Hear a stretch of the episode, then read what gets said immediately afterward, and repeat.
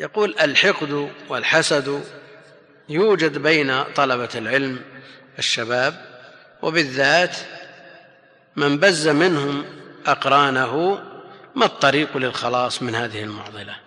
ولعل الإنسان أن يسعى في إصلاح قلبه.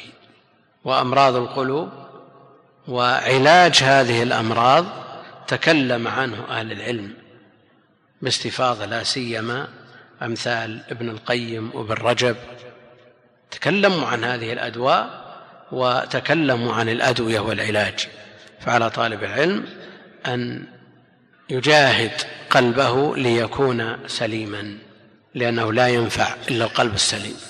يوم لا ينفع مال ولا بنون إلا من أتى الله بقلب سليم.